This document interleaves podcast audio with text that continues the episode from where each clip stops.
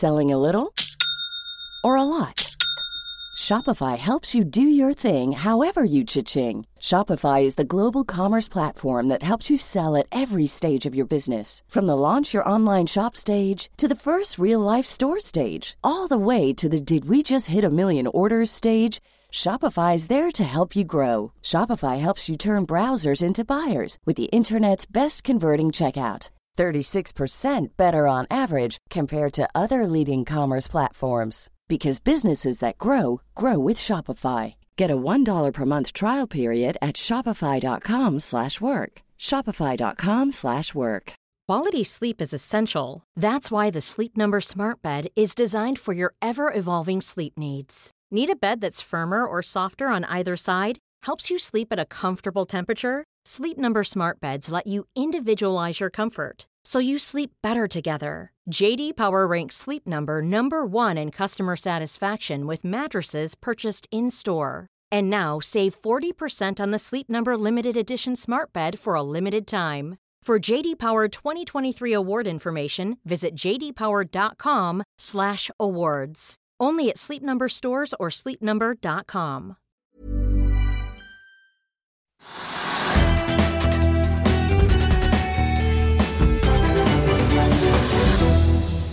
Hei og velkommen til Økonominyhetene tirsdag 13.9.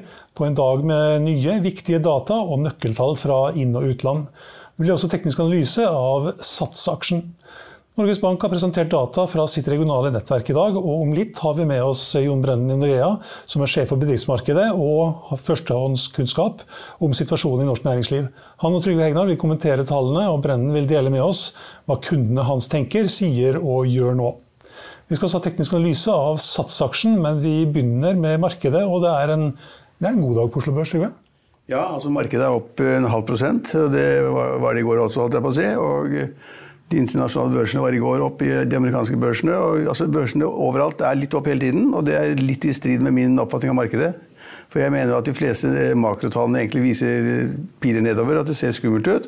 Og at man kanskje ikke skulle være så mye i markedet, vekte seg ned hvis det er mulig. Så Eh, oppgangen på Oslo Børs den er egentlig i strid med hva jeg tenker at den skulle gå. Og det er også de amerikanske børsene de skjønner ikke at de går så bra som de gjør. Og Der kan det komme nøkkeltall i dag som da endrer det bildet ganske kraftig. og vi får også snart da nye tall for Norge når Norges Bank skal endre sin styringsrente. slik at det ligger mye skumle miner rundt omkring, plassert eh, rundt omkring. og da ja, Markedet er oppe, det er positivt. Det har kanskje noe å gjøre med at oljeprisen da på en måte er på 95 dollar fat igjen, det, er, eh, det, er det stiger hele tiden. Tikker oppover. Og det er uroen om energimarkedene gjør at kanskje folk tenker at det blir så ille som det kanskje da pessimistene tror, at det blir energimangel og rasjonering og veldig høyere priser osv. Da sikrer man kanskje da, sikrer seg i oljemarkedet, kanskje.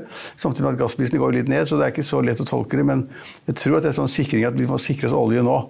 Kanskje vi ikke får tak i det siden, og kanskje prisen går enda høyere. slik at Høyere oljepris er bra for, det, bra for det norske markedet, og vi har nok energi. og vi, Det renner over av penger ved salg av gass. og Stort sett så vil da de norske tingene, indikatorene i Norge være bra. Selskapene tjener fortsatt masse penger, det skal vi høre litt om etterpå også, men de store selskapene har tjent utrolig penger til nå. og så ja, så blir det sannsynligvis litt dårligere fremover. Men det er nok til å holde markedet oppe. da. Mm. Ja, Og det stiger sånn 0,6-0,7 til 1% på børsene i Europa òg? Ja, så det er, alt er opp. Kan, men det er ikke alt som er opp. Den aksjen jeg advarte mot i går, altså Norse Atlantic, den var jo negativ til i går og begrunnet det i går, så det skal jeg ikke gjøre om igjen. Men den da, og det sa jeg bare selv. og Den har vært ned 10% i dag. så det var... Flyaksjen. Ja, mm. så det var det var ikke veldig overraskende, men det er greit å få det frem. Også det at liksom det Av og til reagerer markedet også på råd og mulige, på, mulige gode analyser av det. da. Ja, vi kan ta med da at eh, som Trygve er inne på, Oljeprisen den er opp. Brentoljen er opp 1,2 til 95 dollar og 30 cent. Og på børsene i Europa så er Frankfurt-børsen opp 1% London der er det opp en eh, oppgang på 0,5 I Paris stiger CAC 40-indeksen 0,9% og i Milano er det opp 1 Madrid opp 0,3% og Stox 600.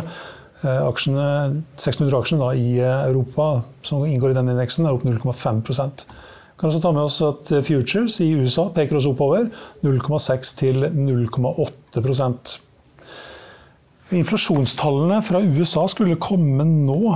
Skal vi, ja, skal vi se om, om, vi har fått noe her.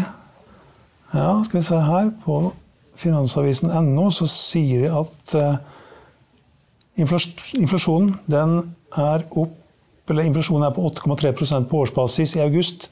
Det er litt mer enn det som var venta. Det var venta sånn 8,0 til 8,1% Snakket om 8,1, men jeg synes at det, det, er ikke veldig overraskende at det ligger på oversiden der. Det, altså Prisveksten er enorm. Den er, den er, enorm i USA, den er enorm i Europa og selv i Norge. Så vi er ikke, vi er ikke oppe på 8- og 9-tallet, men vi er liksom på 6,5. Altså, prisveksten er stor overalt. du nevnte også de andre markedene i sted, men altså, samtidig med at de markedene er overraskende positive og gode, så kommer da tall fra OECD som viser at liksom, BNP-veksten er null eller negativ i de fleste landene i snitt, eller hva det måtte være. Så, ja, så. Ned 2,6 i Kina.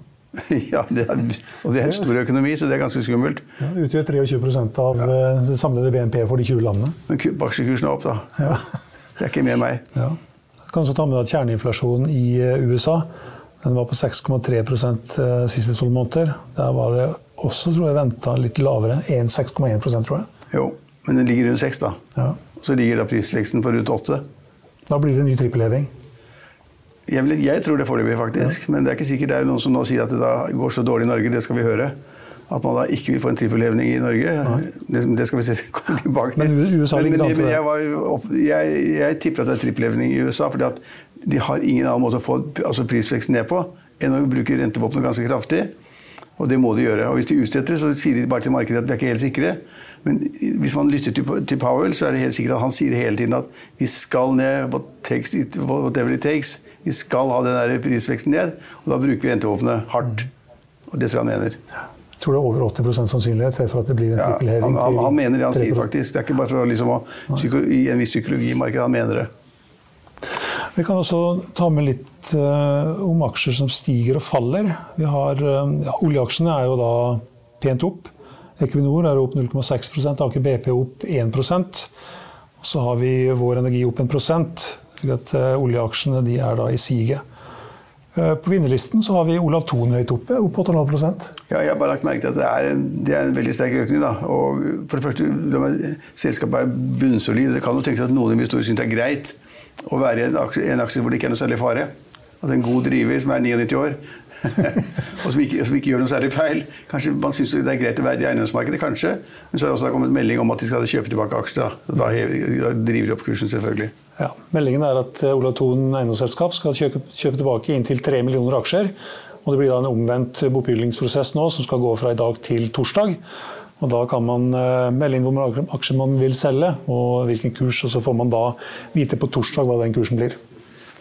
Opp 8,5% nå til 186 kroner. Og så har vi et ganske kraftig fall i det, det selskapet som har en emisjon på 2 milliarder. Det der selskapet med de to havvindsbåtene. Ja, Seaway 7. Seven, Seaway 7 som ja. da Subsea 7 er hovedaksjonær i. Mm. De skal ha en kjempeemisjon på 2 milliarder kroner. og Det likte markedet veldig dårlig. Og sendte aksjen ganske kraftig ned. Jeg husker ikke om det var 7-8 men det var i hvert fall ganske kraftig ja, nå, nå, er den faktisk ned 11 til 8 ja. kroner og 60 øre. Det likte ikke markedet. La oss i Finansavisen hjelpe deg med å holde deg oppdatert på alt som skjer i finans og næringsliv. Hver morgen er jeg, Marius Lorentzen, og aksjekommentator Karl Johan Målnes på plass i studio for å ta tempen på dagens marked i Børsmorgen. På ettermiddagen oppsummerer vi alt du trenger å vite i økonominyhetene, og så får vi selvfølgelig besøk av masse interessante gjester. Du finner oss på fa.no-tv, eller ved å søke opp Børsmorgen og Økonominyhetene der du hører på podkast. Vi kan også ta med et par andre nyheter. Fearnley Securities hever sitt kursmål for Røkke-aksjen, eller i hvert fall den Røkke-dominerte aksjen Akastor, til 13 kroner.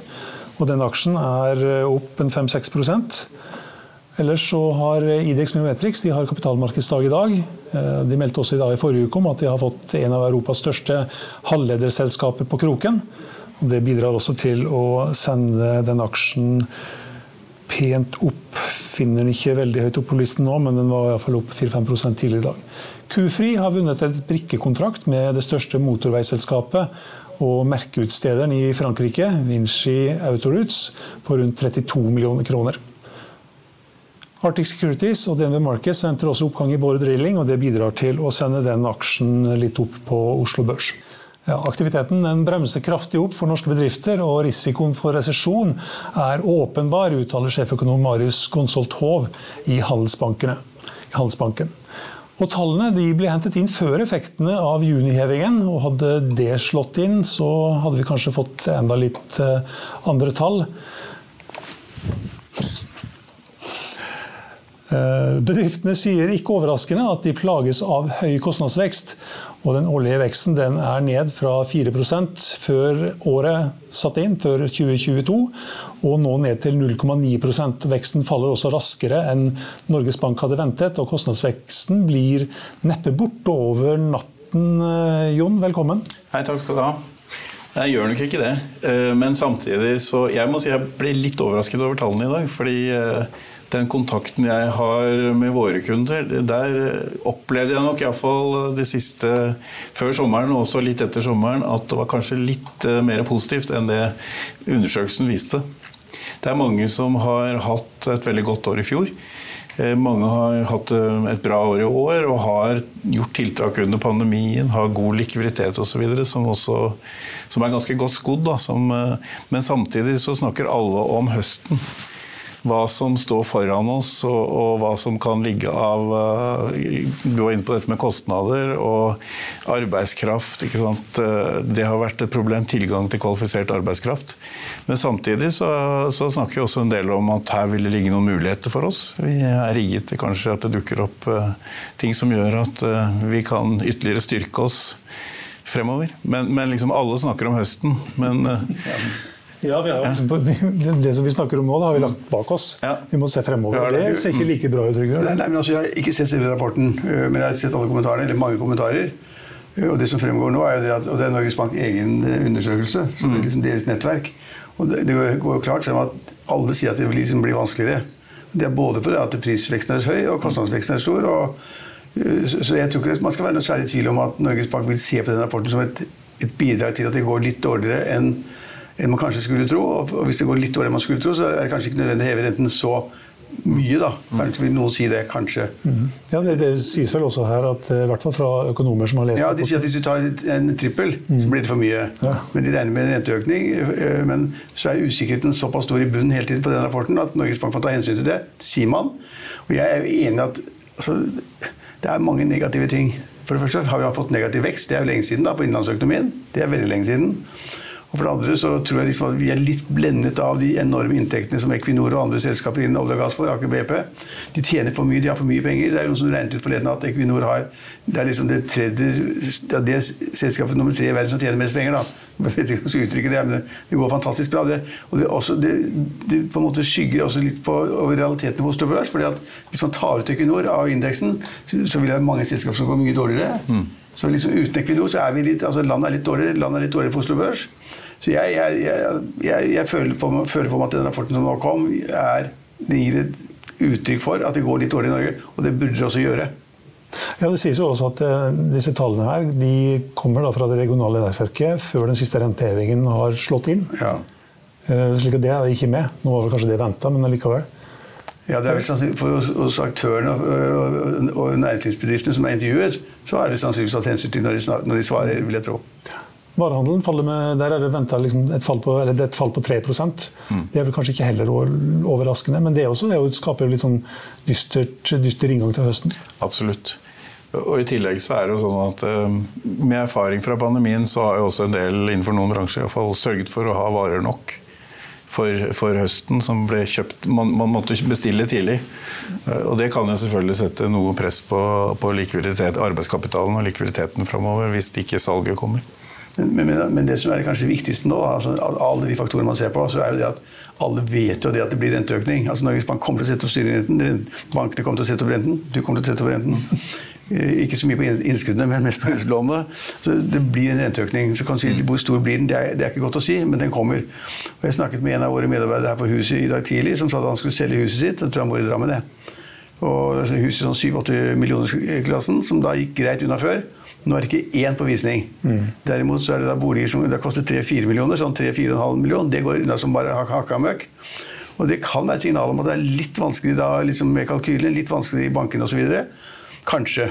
Eh, men selv om man ikke kan dokumentere at rente, kommende renteøkning betyr så og så mye for boligene, så er det en underliggende tendens mener jeg da, at rentene slår ut. Det tar tid, mer enn man tror. Og det ser vi faktisk begynnelsen på nå. Ikke pga. ett hus i Drammen. men, men, men, men det, alle tenker litt rente for tiden. Mm. Alle skal være litt forsiktige. Alle må ta høyde for altså, at bankene har en plikt til å se liksom, om de tåler en 5 prosentpoeng økning i renten. Derfor er et meningsløst krav, etter min mening, men, men så, sånn er det. og derfor så det blir for mange ting på en gang synes jeg, da, som tyder på at det går litt dårligere. Og Det eneste som går bra, det er, og hvor det er uomtvistelig bra, Og det går veldig bra. det er oljeprisen og Equinor. Ja. Oljesektoren går bra. Og, altså Energisektoren går bra. Energi, gass og olje går bra. De selskapene som er involvert, går bra. Eh, Riggene går bra, riggaksjene går bra, og olje- og serviceselskapene går bra. Inntil det på en måte stopper opp, og det ser ikke sånn ut foreløpig. da. Så Hvis man skal være med på en sånn langsiktig god trend, så må man være innen energisektoren. Kanskje. Men du, eh, Jon, du var ganske positiv sånn innledningsvis her. Ja, jeg var det, jeg var det. det må jo være noen kunder som er litt engstelige? Ja da, ja da det, det er det jo, men, men, eh, Bare kom med navnene. Nei, ja, ikke sant. Nei, men jeg, jeg må si at de, de er eh, De er engstelige, men, men de, er, de er også litt forberedt. Eh, Sånn at jeg opplever at, eh, at de, eh, de hva skal jeg si, bretta opp armene litt for, for å ta den støyten der, men, men det er jo masse usikkerhet, selvfølgelig. Og, Ja, men liksom vil, vil, sånn som handel, snakket om handel, altså Ja.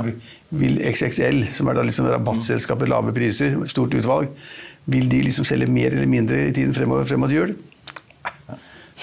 altså Hvis folk skal spare, så må du begynne å spare nå. Skal vi liksom droppe den lua? Skal vi droppe der, de nye skiene? ikke sant? Skal vi droppe de der brettene? brettene? Eller, altså, et, et eller annet tidspunkt begynner folk å tenke liksom, hva skal jeg spare på? For noe må jeg spare på. Det tror jeg alle folk tenker. Alle husholdninger tenker litt hva skal jeg spare på? For at de skal betale lysregning på hytta. Kanskje de ikke har råd til det lenger. Kanskje lysregningen på hytta kommer til å bli 40 000. Har ikke råd til å feriere der lenger. Og da tenker de hva sparer jeg på da? Ja, da sparer jeg i hvert fall på ny sykkel, ny bobledress og nye, nye ski. Og jeg jeg syns man kan se hvor det kommer til å bli svakere. ja. Det er liksom hvor mye mange par joggesko trenger du? Ja. ja. Er det noen bransjer som peker seg ut, eller er alle like positive? Nei, det er klart det er enkelte bransjer altså Trygve påpekte jo litt rundt retail her. Det er jo typisk en bransje som, eh, som vi følger mer nøye enn andre, selvfølgelig. Og så er det slik også at eh, Alle vet at det kommer en Black Friday i november. Og Da skal vel kanskje alle vente til den kommer. Ja, og, så har, og så har alle fulle lager. Ja. Da kan det, Nei, Jeg kan ikke nok om det, men jeg tenker også på reiser. Altså det, kan, ta- det, man kan spare på, er jo reiser. Du må jo ikke til København, du må ikke til Mallorca, du må ikke til London, du må ikke til New York heller. Så hvis man da ikke har betalt billetten og hvis Man kan, altså, man vil jo se litt på liksom, det tjenestesektoren, ikke bare vare- bare vare- varehandel. og da, da kommer jo på en måte reiseliv og restauranter og masse rart inn i bildet. Men foreløpig går jo restaurantbransjen. Kjempebra. Alle, altså, alle er fulle, og alle tjener masse penger. Ja. Så der ser man det ikke gjennom. Der vil det komme hvis, det, hvis økonomien svekkes. da. Men eh, du er jo leder for bedriftsmarkedet i Mm. Nordea, Jon. Og hva, er det flere søknader om lån, eller er det flere som nedbetaler på lån, eller? Altså vi, har, vi har hatt uh, veldig lite pågang eh, så langt i forhold til eventuelt avdragsutsettelser eller, eller, den, eller nye lån. Så det har vært eh, stille på den fronten. Og vi har jo gjennom flere år nå hatt et veldig lavt mislighold. Det gjelder jo hele Norge. Så, så vi har ikke merket, merket det ennå i det hele tatt.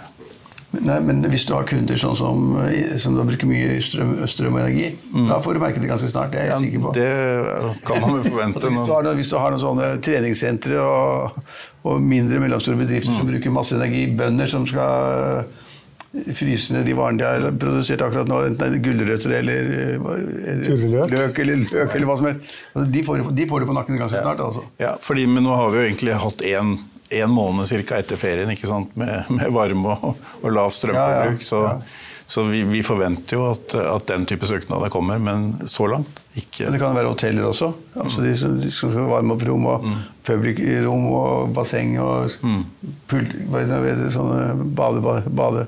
Jacuzzier. Jacuzzi eller hva det er. Ja, alt skal varmes opp, alt trenger masse styrke. Og, strømprisen den går jo ikke ned. Nei. Den går heller opp. Ser det ut som. Mm. der, så der får du en del kunder kommer løpende som sier hva, hva gjør vi nå? Skal vi stenge? Skal vi, eller kan vi låne penger i banken? Hva, hva er gjennomsnittlig rente på en sånn kassekreditt nå? Det varierer ja, du må, Hvis du sier eh, 200-300 punkter over Nibor tre måneder, da. Sånn. Så er det bare oppi da 4% eller sånn? Eller er det? Ja, det kan jo folk leve med, da. Styringsrenten i Norge er 1,75% og så blir den da ganske sikkert 2,25. Ja, det blir den helt 2, sikkert. 22. september er det vel? Eh, om en eh, hva blir det da? Ti dager? Ni dager? Ja, da, da blir- kommer det en økning på 50 rentepunkter, og så sier da de som har greie på det, makroøkonom, de sier at det da kommer da to økninger til, slik at man kommer opp i rundt 2,75 eller noe sånt. Men, men hvis signalene fra det regionale nettverket fortsetter å kom inn lavere enn det Norges Bank venta. Nå kom de inn litt lavere enn Norges Bank venta nå. Hvis det fortsetter sånn da, hva vil det kunne ha å si for rentetoppen? Jeg mener at det kommer, fortsetter å komme dårlige nyheter eller gode nyheter? Nei, dårligere, Dårlige altså dårligere nyheter Ja, ja, enn det dette- Norges Bank har venta. Ja, ja. sånn, sånn som også var tilfellet nå. Ja. Altså blir det enda flere dårligere nyheter. At verden, er- de har jo intervjuet bedriftene. det som er poenget. Hvis de sier at det liksom blir færre nyansettelser, prisveksten er for høy, kostnadsveksten er for høy osv., hvis det kommer masse meldinger om det, ja, da, da kan det tenkes at Norges Bank sier at da setter vi ikke renten opp så mye som vi hadde tenkt å gjøre. Fordi at markedet har forstått at vi kommer til å gjøre mye rart for å få da liksom inflasjonen ned. Og det har kanskje markedet forstått. Og da holder det litt igjen for å se, kanskje. Men jeg hørte på et foredrag eller, av, av sentralbanksjefen her for en uke siden på Handelshøyskolen. Og jeg holdt et foredrag også, og da hun var veldig opptatt av det at liksom, de signalene man ga, skulle være entydige og klare. Og hun ga klart signal om at også i Norge skal da prisveksten ned. Skal. Det er ikke noe som man liksom skal snakke for lite om. Det skal, skal ned, sa hun. og oss også power. Skal ned. Så det blir helt sikkert 50, 50 punkter, og kanskje 75 punkter. Og ditt tips er nå i september Altså det var, det var 75 rentepunkter. Et, akkurat det som skjer rundt det, det nettverket og det, de har sagt i Norges Bank, så kan det tenkes at de liksom holder bitte litt ned og sier bare 50 rentepunkter. Hva sier du? Jeg syns det er vanskelig, kanskje. Men, Ja, men samtidig, så kan, samtidig så kan det jo være at man, eh, man for liksom å understreke alvoret tar 75 en gang til. da. Ja. Sjeføkonomen i banken din, Kjetil Olsen, han sier 0,50. Mm. Og det sier også eh, Gonsolt Hov i Handelsbanken. Ja. han er helt sikker på at det blir 0,50. Ja, og det Kjetil, Kjetil har hatt veldig mye rett. Men, men det er, jeg synes det er et godt poeng, jeg er enig med deg, at det kan godt tenkes at Og jeg hørte foredraget, det var ingen andre som hørte, for det var for studenter. eh, hvor hun var helt klar på liksom, at politikken skal være å få da, liksom, prisveksten ned. Og det, og, det, og det skal gjennomføres. Og det kan godt tenkes at de da sier 75 rentepunkter fordi man skal gi markedet entydig klar at vi skal ha det ned, og dere må bare følge. Og da for å, det, for å liksom overdrive litt og så gi et lite ekstra spark, så kan det bli 75. Ja, det, det er- i hvert fall ikke utenkelig. Om det er mest sannsynlig, det er kanskje noe annet. Vi ligger litt over 6 gjør vi ikke det, i Norge? Kjerneinflasjonen er vel Ja, 6,5 tror jeg den er. sånn, og ja, ja, ja, den ligger der. Og det, og det er og det er jo det tror jeg ikke alle får med seg, det syns jeg de burde høre mer på. Altså 6,5, prisvekstens siste måltallet, er jo da basert på det at vi har denne subsidieringen av strø- strømmen.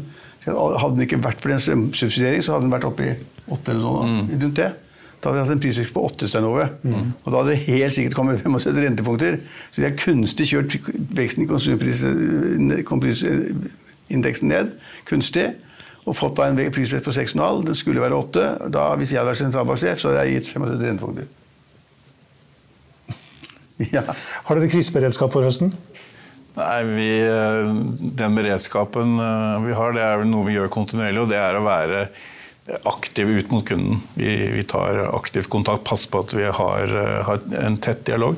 Sånn at vi kan, de som eventuelt da får problemer, at vi kan starte jobben sammen med kunden på et tidlig tidspunkt. Det, det dummeste vi gjør, er å vente for lenge til å gå i banken med et problem. Har dere tettere dialog med kundene nå enn Ja. tidligere? Vi har det. Men Hva betyr tette dialog? At dere får oversett noen flere regnskapsrapporter? At de får Nei, vi, vi snak, snakker med kundene.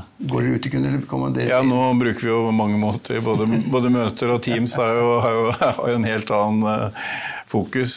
Så, og telefonen brukes jo fremdeles også, men rett og slett bare ringe ut og, og avtale en, en prat for å, for å sjekke ut eh, hvordan status er, og om det er noe vi kan Ja, Har man da standardprogrammet man fyller inn tall i? Eller sitter man da, er det sånn der, Nei, ikke så- følelse av at det går bedre? Nei, så systematisk er vi ikke. Men, eh, men vi har jo liksom, de kundeansvarlige har jo ansvar for en portefølje. eh, Og de kjenner jo disse kundene ganske godt, så, så de jobber jo på den måten. Da. Sitter de og Misligholdet fa- og misligholdet er ikke større enn før. Nei, det er lavere. Det er lavere. Sitter de og følger med på bankkontoen på kassakriten, om det er overtrekk eller Nei, det er vel ikke sånn Men noe må du følge med på. Ja, ja. Du må få en sånn ark. det er klart, det er jo- Større- du, du er sjef, du får sikkert inn et ark hvor det står liksom, trukket ned 25 millioner, trukket ned 30 millioner, trukket ned 10 millioner. Rødt, rødt, rødt. Ja, det er klart, det er jo noe man ser på. Nå må jo du gjøre òg, som er sjef. ja. ja. Nei, men man følger jo med på det, og det er kanskje liksom, hvis du ser det, så, og, og du jobber sammen med kundene, så, så vil jo det være naturlig rundt en dialog. ikke sant? Men det er ikke sånn at vi sitter og overvåker kundene våre. Altså. Det er... eh, Nei, men men liksom vi har uh, prisstigning som vi nesten ikke kan huske at vi har sett. Det har, jeg vet ikke om du har opplevd Inflasjon? på disse nivåene? Ja, det har jeg, for jeg er en eldre person. Jeg holdt på å si gammel, men jeg mente en eldre person. Og på 70-tallet hadde vi en ganske kraftig inflasjon, og, og du, som gjør at da, da, kjøpte jeg min første bolig. og det, da var inflasjonen så sterk at liksom da var priseffekten, priseffekten på boligen tok liksom inn gjeld på et slag i løpet av tre år. år. Mm. Men hvis du kommer tilbake til slutten av 80-tallet og begynnelsen av 90-tallet, så var jo da kassekredittene i norske banker opp mot 20 mm. Jeg husker jeg hadde det, min yndlingshistorie. Da var jeg kunde i Kredittkassen, Nordea. Da hadde jeg en del penger for hånd, og da satt jeg i banken. Hva fikk jeg rente på det da Stein i slutten av 80-tallet? Du fikk kanskje 10 da? 9? Ja. 17. Og det, det, det, det, er 17% på innskudd. og da, Det limte jeg en svær plakat på veggen og tenkte at dette kan jeg aldri få igjen. Det, det er ikke noe vits i å drive business hvis du kan få 17 rente på innskudd i kassa, tenkte jeg da. Så, så, så, vi har jo hatt en kraftig prisvekst. Stygg. Altså, det er i slutten av 80-tallet, begynnelsen på 90-tallet. Og i 92 gikk jo bankene konk. Hele eiendomsmarkedet falt sammen, og bankene gikk konk. Så det, vi har noe stygt å se tilbake på. Nedturen starta vel i oktober 87, gjør det ikke? Jo, noe sånt nå. Black October. Så blir det verre og verre, og så, og så falt eiendomsmarkedet sammen. og Det kan jo være lurt, lurt å tenke litt på. Og da, og da smalt bankene. Og da ble bankene, både Kredittkassen, Strek Nordea og DNB, ble i realiteten tatt over av staten. Og så kom de på beina igjen siden. Strømpriser og krig og inflasjon og alt det der. Hvor, hvor, hvor engstelig er du for høsten sjøl? På vegne av banken og dine kunder? Nei, altså jeg er jo, jeg er jo engstelig, men jeg er samtidig også litt optimist. For jeg vi har, nå er det noe helt annet da, men pandemien, eh, hva som skjedde da, og hvor var, det er langt, Alle kjenner jo denne historien, men, men samtidig, så, fall så langt, så opplever jeg at uh, mange av våre kunder har, um, har tatt grep og er, er ganske godt rusta. Men, men er, vi snakker jo ekstremsituasjoner, så det er en måte på hvor rustet du kan være. Også, selvfølgelig. Så jeg er hva skal jeg si, betinget optimist eller noe sånt. Det er bedre enn det jeg er. Ja, ja det, det konstaterer jeg. Ja, jeg, liksom, vi har krig, mm. og så er den krigen ganske rå. Mm. Den er stygg, og så er det en stormakt som angriper et annet land og går inn da overfaller et annet land. Og så sier jeg at dette lille landet som da på en måte streber for å redde seg selv og overleve og beholde liksom staten, de er på, liksom på offensiven, det hevdes det. det er sånn, så De rapportene tror jeg ikke så veldig mye på, egentlig, men de hevdes at de er på, på liksom fremmarsj. Og da vet vi at Putin er jo gal. Altså med en diktator med de fullmaktene han har, så vet vi ikke hva han kan gjøre. Mm. Det, der, det der gasskraftverket der, ikke sant. Og, og, og hva, hvis de blir presset bakover, hva gjør han? Hva setter han i gang en ny ting? Og hvis, blir, altså, hvis krigen i Ukraina hvis den altså, blusser opp, da, eller andre land på en eller annen måte blir involvert, eller man vet jo aldri hva følgekostnader liksom, er og Hvis det skjer, så, så, så vil da verdensøkonomien få en ganske stor depp. For vi er på, sakte på vei inn i resesjon. Så det er ikke sikkert at det blir en stor resesjon, men alle makrotallene tyder på det. Men sakte, da kan man få en sånn kjempedytt, og så er man rett ned fordi folk er engstelige. Ikke vil reise, ikke vil bruke penger. De vil spare. Altså, så, og jeg mener at den krigen er så grov at eh, jeg utelukker ikke det. Jeg utelukker ikke det. Jeg kan ikke skjønne at Russland er så aggressive, så, så hårrente og frekke mot et annet land, som hele verden sitter og ser på i, på skjermene hver kveld. Så vet vi ikke hva som kan skje. Og hvis det skulle komme en ytterligere opptrapping av krigen fra Russlands side, og ikke at de blir kastet ut av Ukraina, så mener jeg det vil ramme verdensøkonomien. Det vil ramme økonomien i alle land. Tror jeg. Dessverre. Det er bare å be.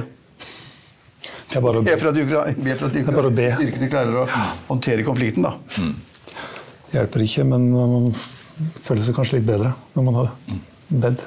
det pleier ikke, pleier ikke å hjelpe, men, men, men, men, ja. Tusen takk for at du var med oss, eh, Jon. Og tusen takk Trygve, for at du også var med og delte din skepsis. ja. Alltid konservativ. Ja.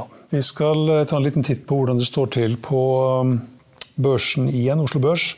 Her har oljeprisen nå plutselig snudd ned. Den er ned 0,8 eh, til 93 kroner og 40 øre. Det har skjedd mens vi har eh, vært gjennom regionale nettverk og teknisk analyse. Eh, I hvert fall Den har snudd ned, den faller nå ganske kraftig. Nå er den, ned, nå er den faktisk ned 1% til 93 dollar og 30 cent. Det har også bidratt til at oljeaksjen har snudd ned. Equinor er nå ned 0,06 ja, bare så vidt litt ned.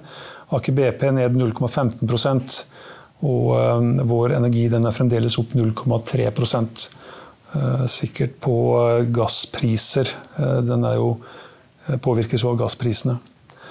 Olav Thon, som vi var inne på i sted, skal kjøpe tilbake 3 millioner aksjer. omvendt bokbyggingsprosess fra i dag og til torsdag. Aksjen er opp 8,2 nå til 185 kroner og 50 øre. Seaway, som vi også var inne på, som da skal hente mye penger, er ned 12% til 8 kroner og 50 øre. Og Hovedindeksen den har også snudd ned fra å være opp 0,7% så har den nådd ned 0,7 til 1211 eh, poeng. Skal vi se hvordan det står til på børsene i Europa. Her har det også plutselig snudd ned nå. Europa eh, ja, ned 0,3 til 0,7% FTSE 100 i London er ned 0,3 Dagsindeksen i Frankfurt ned 0,4% Paris CAC 40 ned 0,3 I Milano er det ned 0,3 I Madrid er det ned 0,7 nå. Og Stox 600 er ned 0,5 eh, Futures i um, USA, der er det også kommet en eh, skikkelig nedtur. Eh, dette her kan nok forklares med inflasjonstallene som kom inn høyere enn det som var venta i forkant. og Da øker også sannsynligheten for at det blir en trippelheving av renten i USA til da nivået 3,0 til 3,25. Og Det er nok det som da bidrar til også at futures i USA nå er kraftig ned. Dow Jones eh, ser ut til å kunne åpne ned 1,6 SMP 500 ned 2,1% og Nasdaq ligger an nå til å åpne ned 2,7 eh, faktisk hele 2,7% eh, skal vi se, bare ta med også hvordan det ser ut i kryptomarkedet. Her er det også ganske rødt. Bitcoin ned eh, knappe 4 til 21 500. Ethereum ned 5,9 slik at det smitter også over på kryptomarkedet. XRP ned 4,2 I Finansavisen i morgen kan du lese Trygve Egners leder om dumme reaksjoner på Kjell Inge Røkkes skatteflukt, om bonanza i LNG og Europris, som har gjort tidenes strømgrep. Takk for nå. Det var det vi hadde for i dag. Men husk at vi er tilbake med Børsmorgen i morgen klokka fem på ni, og Økonominyhetene i morgen klokka 14.30. I mellomtiden får du alltid siste nytt minutt for minutt på finansavisen.no. Mitt navn er Stein Ove Haugen. Takk for at du så eller hørte på oss. Og så håper jeg at dere ser på og hører på oss i morgen.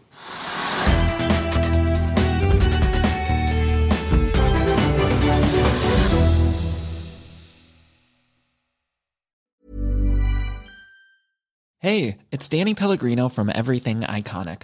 Ready to upgrade your style game without blowing your budget? Check out Quince. They've got all the good stuff shirts and polos, activewear, and fine leather goods all at 50 to 80% less than other high-end brands.